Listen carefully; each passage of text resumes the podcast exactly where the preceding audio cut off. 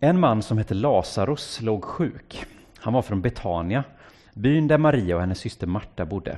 Det var Maria som smorde Herren med välluktande balsam och torkade hans fötter med sitt hår. Och Lazarus som låg sjuk var hennes bror.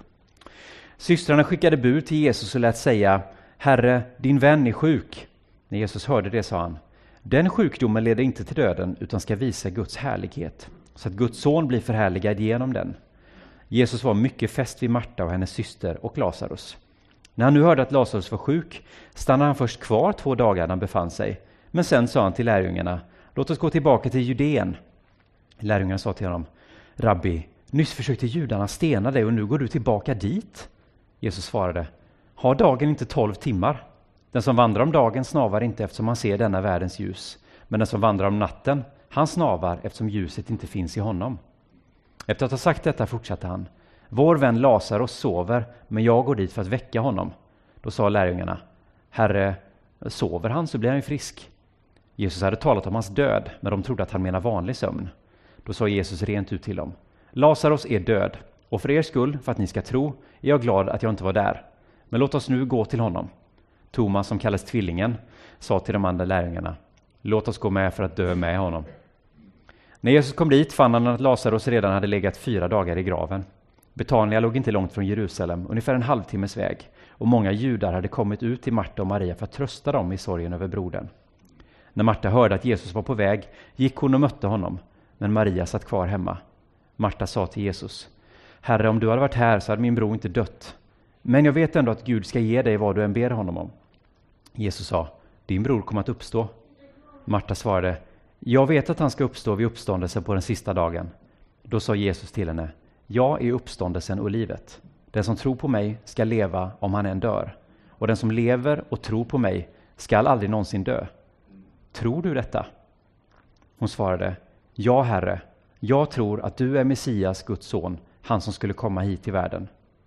Sen gick hon hem och kallade på sin syster Maria och viskade, Mästaren är här och kallar på dig. När Maria hörde det steg hon strax upp och gick för att möta honom. Men Jesus hade ännu inte kommit in i byn utan var kvar där Marta hade träffat honom. Judarna som var hemma hos Maria för att trösta henne såg att hon hastigt reste sig och gick ut och de föll efter i tron att hon gick till graven för att gråta där.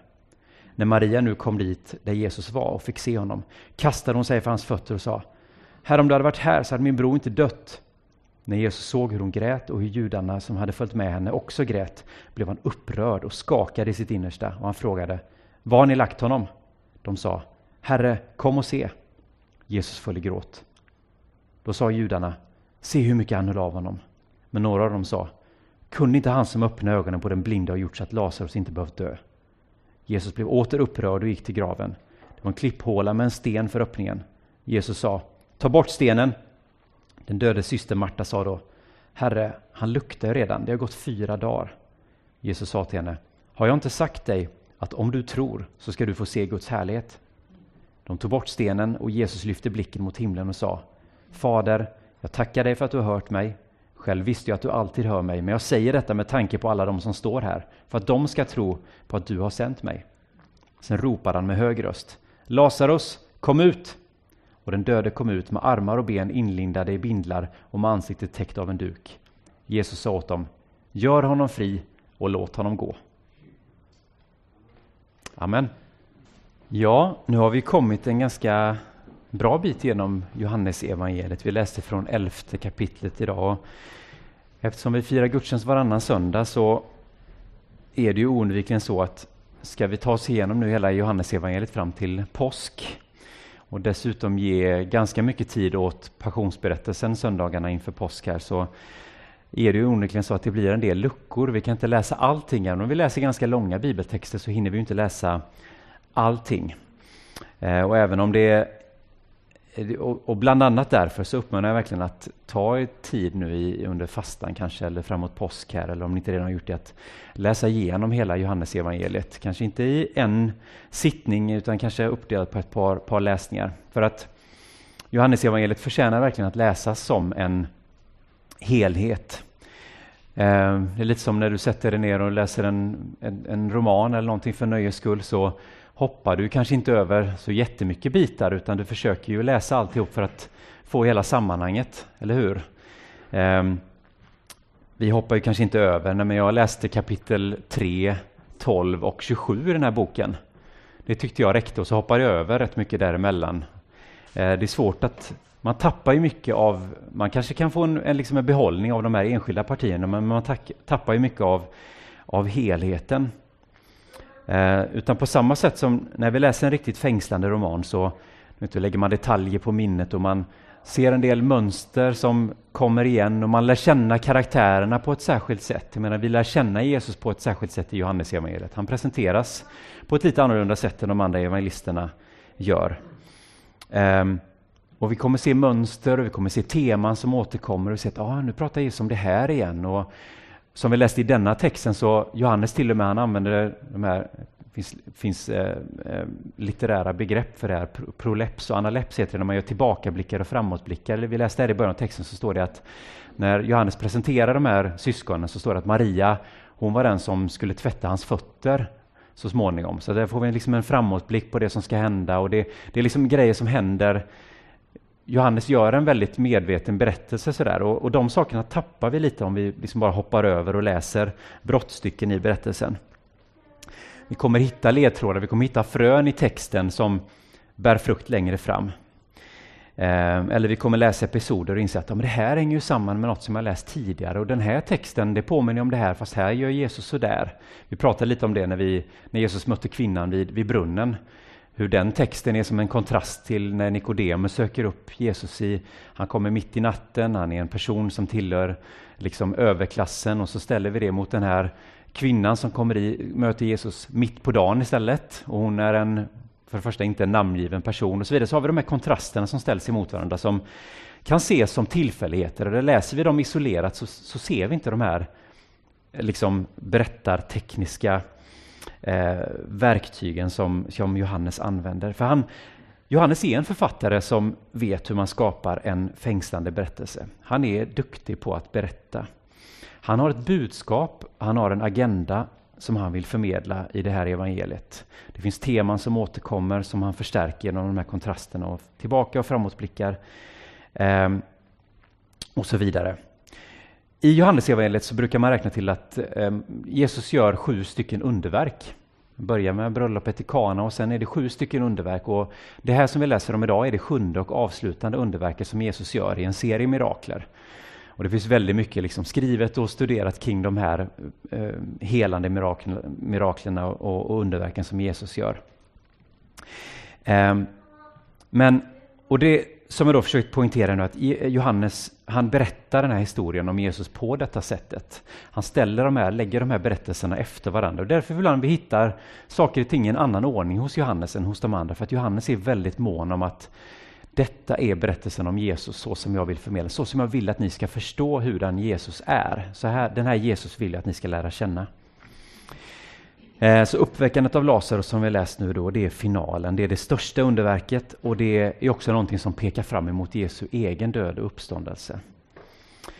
I den här texten så möter vi då förutom Jesus framförallt systrarna då, Marta och Maria vars bror Lazarus är den som har blivit sjuk och dör. Lazarus han är ju namngiven men han har ju ingen större roll i sammanhanget mer än att han är den som har råkat dö och som får bli objekt för här upp, den här uppståndelsen, om man kan säga så. Och Den här berättelsen den är ju eh, välbekant för de eh, flesta av oss, tänker jag. Den är figuren som kommer utsnubblande ur graven, inlindad i svepning som en karaktär ur en B-film om Tutankhamons hämnd eller ur ett av många avsnitt av Scooby-Doo. Det är som vi känner till från flanellograf med den här stackars inlindade, inlindade mannen som inte kommer loss av egen kraft utan de måste hjälpa honom för att han är invirad från topp till tå. Och Lazarus, han är ju ungefär lika eh, liksom han karaktäriseras ju ungefär lika starkt och definitivt som den här stackars mumien. Vi vet ju ingenting om honom nästan. Vi vet ytterst lite om honom.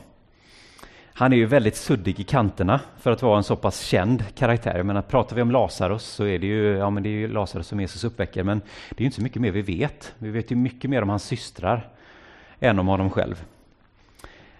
Han säger inte ett ord. Eh, mycket för att han är död i 43 versar, men, men han, vi vet ju så väldigt lite om honom. Men vi vet att han är en älskad vän till Jesus, står det. Att Jesus hade honom kär, att han står de här tre syskonen nära. Men det är alltså Jesu möte med samtal med systrarna, framförallt Marta, som står i fokus för den här texten. Och det är också det som vi ska koncentrera oss på idag. Vi vet att Lazarus har dött, vi vet att han, Jesus fick budet om att Lazarus låg sjuk.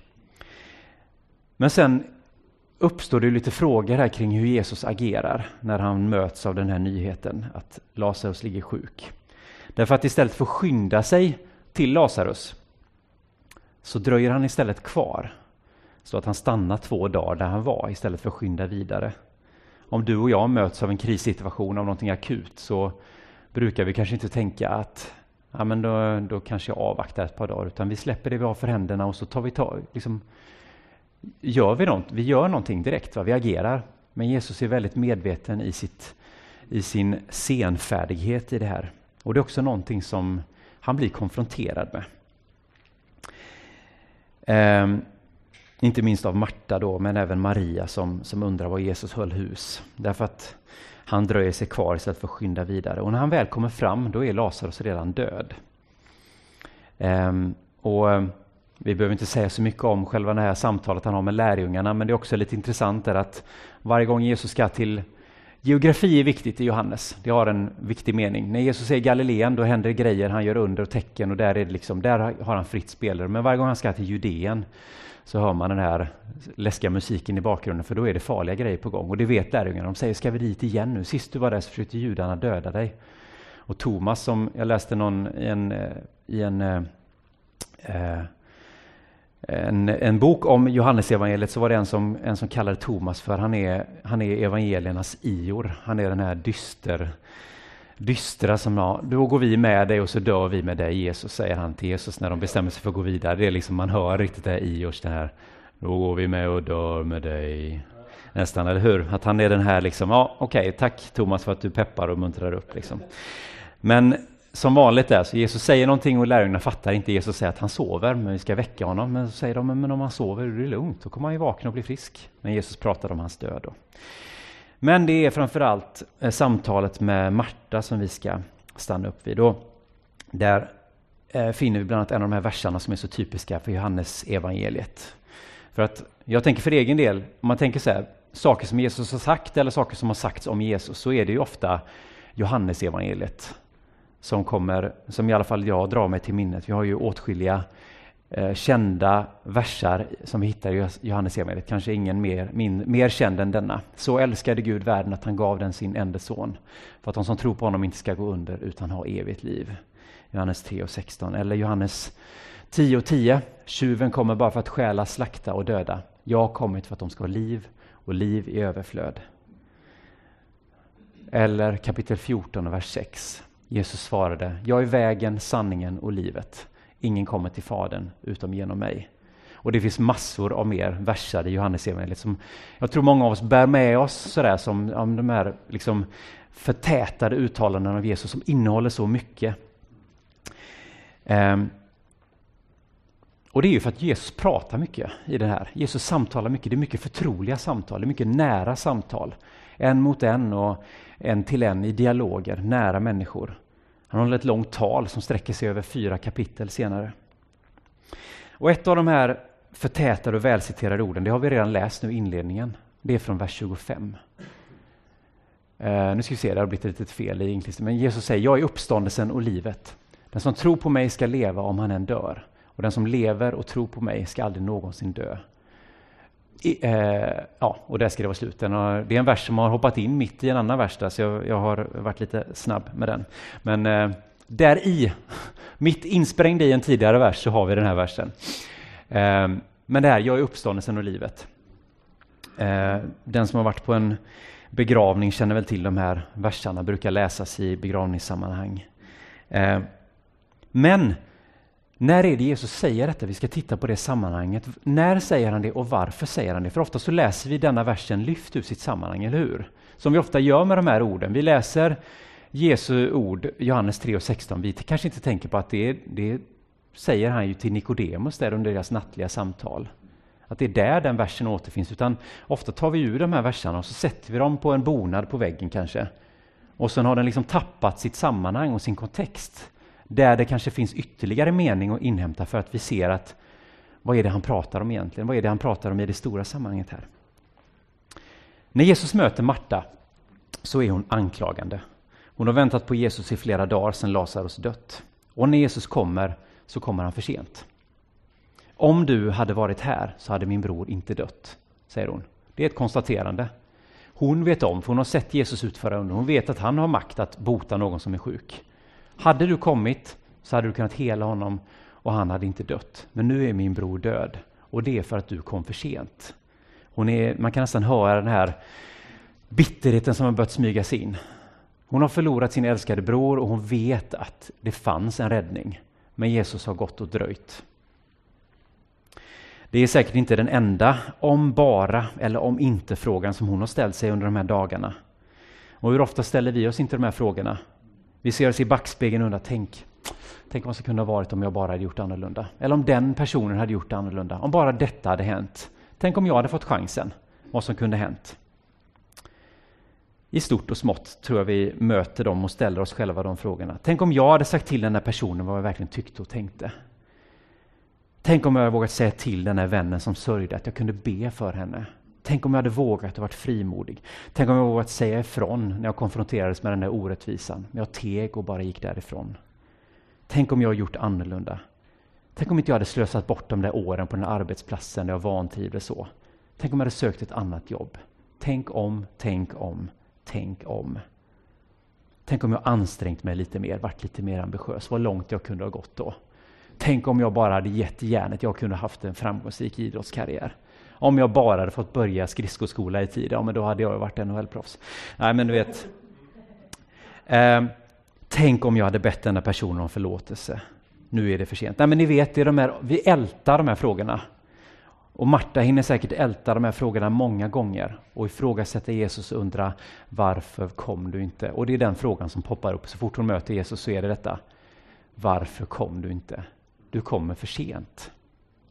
Vi kan relatera till henne. Hennes bror var sjuk och hennes vän Jesus har alltså utfört åtskilliga mirakler och botat många sjuka. Varför skyndade han sig inte till Betania? Marta, hon, är, vi möter henne i denna berättelse, men hon är väl kanske mest känd för den här, hon brukar få klä skott för, den, för en person som fastnar i praktiska göromål istället för att fokusera på det viktiga. Hennes syster, som är den här fromma systern som sitter vid Jesu fötter och lyssnar och Marta är den som går runt och städar och fejar istället skrivits böcker om Marta och Maria-människor som om den ena vore ond och den andra god. Men i den här texten så är det Marta som är den som mitt i sorgen och tragedin faktiskt också uttrycker sin förtröstan till Jesus. För hon vågar ifrågasätta Jesus. Hon vet vad han är kapabel till. Hon vågar ändå sätta ord på sin klagan, på sin sorg och sitt ifrågasättande. Men hon säger också direkt efter det ifrågasättandet att jag vet att Gud ändå kommer att göra det som du ber om, säger hon till Jesus. Det finns en ton av hopp mitt i hennes förtvivlan. Och då Jesus, det är då Jesus säger de här välkända orden.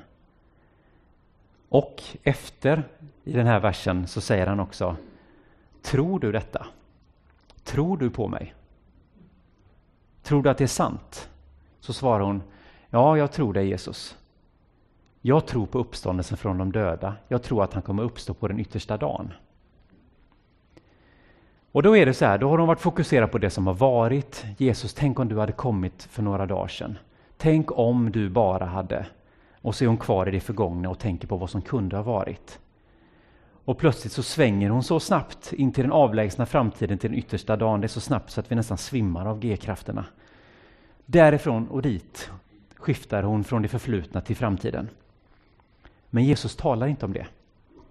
Vi läser dessa texterna och vi läser dem på begravningar och de är ju ett tröstens ord, eller hur? Eh, och de är ju, vi använder dem för detta. Eh, för den som förlorat en närstående så är ju Jesu ord trösterika. Det är det. Vi har hoppet om uppståndelsen att se fram emot. De här orden har kraften i sig att lyfta sorgens börda något, eller åtminstone skina in något av ett ljus hos den som, där sorgen är som ett becksvart mörker. Men samtidigt så rycker vi ju Jesu ord ur deras sammanhang och då löper vi också risk att de tappar något av den här rikare mening som de har. Därför att när Jesus talar om att Marta gör den här, mitt, hon är mitt i sin den här hastiga svängen från dåtid till framtid så hoppar hon över någonting. Hon hoppar över nuet. Precis som du och jag också gör, gång på gång, i våra liv. Vi befinner oss ofta i en pendelse, pendelse, pendelrörelse mellan att älta det som har varit och att hoppas eller oroa oss för framtiden. Men Jesus talar inte om att han var uppståndelsen och livet. Jag hade varit uppståndelsen och livet om jag hade kommit i tid. Då hade jag kunnat ge liv. Eller, ja Marta, jag kommer att vara uppståndelsen och livet. Nu ska vi sörja din bror. Nej, jag är uppståndelsen och livet. Uppståndelse och liv finns tillgängligt här och nu för var och en som tror. Det är som att Marta står och tittar, hon har Jesus framför sig men hon tittar en till vänster, en till höger om honom utan att fästa blicken på Men Marta, jag är här, titta på mig. Se in i mina ögon, jag tittar på dig. Hon flackar med blicken men Jesus vill att hon vänder sig mot honom. Mot den fullständiga och överflödande närvaro som finns tillgänglig för henne där och då i hans närhet. Och Jesus kommer inte och säger, nej men det finns ingen död. Lazarus kommer ju dö igen. Vi läser inte om när han dör en andra gång, men vi kan vara ganska säkra på att Lazarus, han dog igen sen. Han uppstod. Han kanske levde ett långt liv och blev gammal, men han dog igen. Det är verkligheten och detsamma gäller ju oss också. Vi kommer inte undan. Men vårt förhållande till döden kommer alltid vara svår. Vi har ju en kärlek till livet, de allra flesta av oss, som gör att vi brinner för detta. Vi brinner för att leva. Vi vill inte ta i och hantera döden. Vi tycker det är jobbigt. Vi har ett komplicerat förhållande till den. Även den mest stoiska människa kan ju knappast förhålla sig till döden med en klackspark. Vare sig det rör vår egen stundande död eller när vi förlorar en närstående. Men vad Jesus gör är att han sätter döden i ett annat perspektiv. Han relativiserar döden. Dess absoluta definitiva makt är bruten. Den har inte längre sista ordet. För att Jesus är herre över döden. Och det verkar också som att det är det Marta till slut förstår. För när Jesus säger det, tror du på mig? När, hon, när, när Jesus liksom har fångat hennes uppmärksamhet, tror du på mig? Tror du att det är så? Så svarar hon till slut, Ja, Herre, jag tror att du är Messias, Guds son, han som ska komma hit till världen. Marta förstår att Jesus är Guds son. Och Det var precis det syfte som vi läste i början av kapitlet också, om ni minns. När Jesus pratade om Lazarus och det som väntade, han sa, det här sker för att Guds son ska bli förhärligad. Notera också vad mer Marta säger om Jesus, att han är den som ska komma hit till världen. Det är också ett uttryck som Johannes återkommer till, gång på gång. I inledningen av Johannesprologen så läser vi om ordet, vi läser om ljuset som kommer in i världen. Ljuset som kommer in i världen, inte ljuset som en gång har kommit utan ljuset som ständigt kommer in i världen. Varje minut av varje dag. Varje ögonblick av varje dag är laddat med löftet om uppståndelse och liv. Poängen med Jesu budskap är inte att vi ska fly från världen, att vi ska blicka bort mot en avlägsen framtid. Utan att vi ska få se den förvandlad och riktigt vibrerande av Guds liv, av uppståndelsens kraft.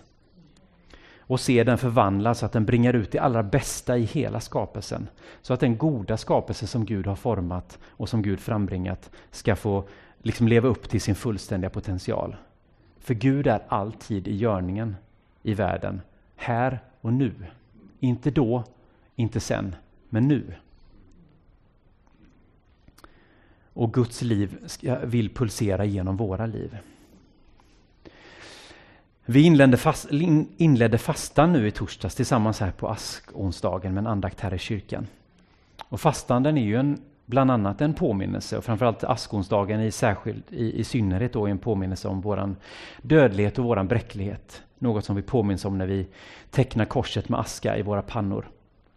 Men vi fixerar oss inte vid döden som en slags morbid fascination. Vi vältrar oss inte i det, istället så får fastan utgöra ett slags uppvaknande och tillnyktrande. Därför att när vi inser, ja, Döden är besegrad, men vi lever med den som en realitet. Vi är bräckliga, vi är dödliga människor. När vi inser det så kan den insikten göra att vi kan leva här och nu ännu mer fullständigt.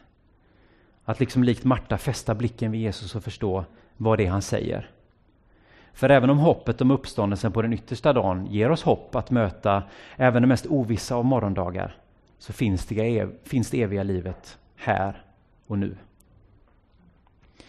Ordet liv i någon form förekommer hos Johannes fler än 50 gånger.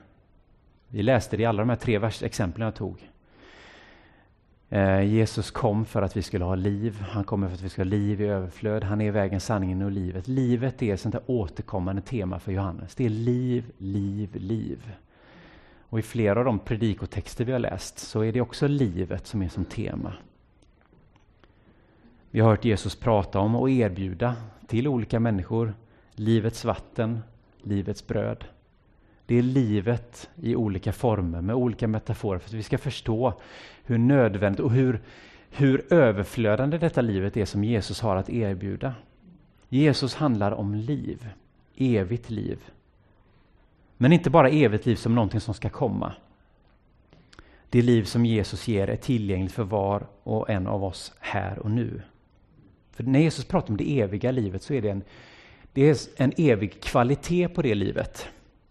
Det eviga är inte en tidsangivelse, att det handlar om ett liv precis som detta, där vi vaknar upp och är lite trötta och är lite stela i ryggen och så ser vi fram emot det är måndag idag och segt att gå till jobbet. Det är inte en evighet av detta livet. Det är inte det det handlar om, även om vi tror att det också finns något oförstörbart och oändligt i det livet. Men snarare så är det så att när Jesus talar om det eviga livet så har det att göra med just de här aspekterna som han talar om med kvinnan vid brunnen. Det är ett liv som aldrig slutar flöda, aldrig slutar påla. Jesus kallar oss inte att leva ett liv som är en transportsträcka, där vi väntar på, snart är vi framme på vid ändstationen. Det är bara tre timmar kvar, vi kanske kan stanna och sträcka på benen. Men fy vad tråkig denna vägen är. Det är inte så livet är med Jesus. Det handlar inte om att beta av etapp, etapp efter etapp och känna att nu har jag nått en ny punkt i det här livet. Nu har jag kryssat för den här att göra-listan. Utan Jesus vill ge oss uppståndelsens liv här och nu. Han vill visa oss en dimension av livet som inte bara räcker till så att vi har så vi klarar oss. Utan ett liv som pålar och flödar över alla breddar. Och om vi inte lever det livet så är det faktiskt befogat, det är på sin plats att fråga oss varför gör vi inte det? Livet med Jesus är ett överflödande liv. Det livet finns tillgängligt för dig och mig. Fäst din blick på Jesus och hörsamma hans kallelse. Tror du på mig? Tror du att det här livet finns? Då finns det för dig. Jesus vill ge dig det livet idag. Han vill inte att du väntar imorgon eller väntar på att du får ordning på det ena eller det andra i ditt liv. Utan det finns här och nu. Kvinnan som kom till brunnen, hon lämnade sitt krus. Hon lämnade sin agenda, hon hade en helt andra planer för den dagen. Men hon fick det vattnet där och då. Jesus bad inte henne komma tillbaka när hon hade styrt upp sitt liv. Kom tillbaka om en månad. Läs de här böckerna, gör det här. Ägna 40 dagar i bön och fasta, sen ska du få det. Utan hon fick det där, för det fanns där att ta emot. Och hon lämnade Jesus förvandlad. Och det är våran verklighet här och nu. Och Jesus står där, men ofta så står vi där och flackar med blicken. Ja, men vänta nu, om bara det hade varit så här. Tänk vilken relation med Gud jag kunde haft. Om jag bara hade ägnat lite mer tid i bön. Tänk om jag hade läst Bibeln lite oftare. Men Jesus är ju här nu. Jag är här nu, säger Jesus. Titta på mig. Här och nu vill jag ge dig detta livet. Ja, fast kanske imorgon. Ja, men på den yttersta dagen, då blir allting bra. Då befrias jag från allt detta lidande. Ja, fast Jesus vill ju ge dig livet här och nu. Det finns här. Och vi behöver inte göra så mycket heller. Jesus säger jag ska dra alla människor till mig. Jesus gör det. Du behöver bara ta emot. det livet. Vi ska sjunga någonting och så ska vi gå in i nattvardsfirande och sen ska vi gå in i förbön. Eh, en bönestund. Vi ska be för vår värld. Vi ska be för en värld som behöver det här livet, som behöver Jesus, som behöver friden och freden som Jesus har att ge. Men vi ska också be för oss som är här och nu, därför att vi är Kristi kropp här på jorden. Det du och jag gör spelar roll. Vi kan få förmedla det livet. När det här vattnet bubblar upp inom oss så blir det till en källa som också kan få släcka törsten för de människor vi möter. Vi kan få ge det vidare till andra. Så när vi går in i, i, när vi har firat nattvard och ni har fått ta del av det så vill ni komma fram och få förbön så vi ber för varandra, vi betjänar varandra. Um, välkomna fram, sätta sig på en stol eller hur vi nu gör. Så, så tar vi en stund i, i förbön. Amen.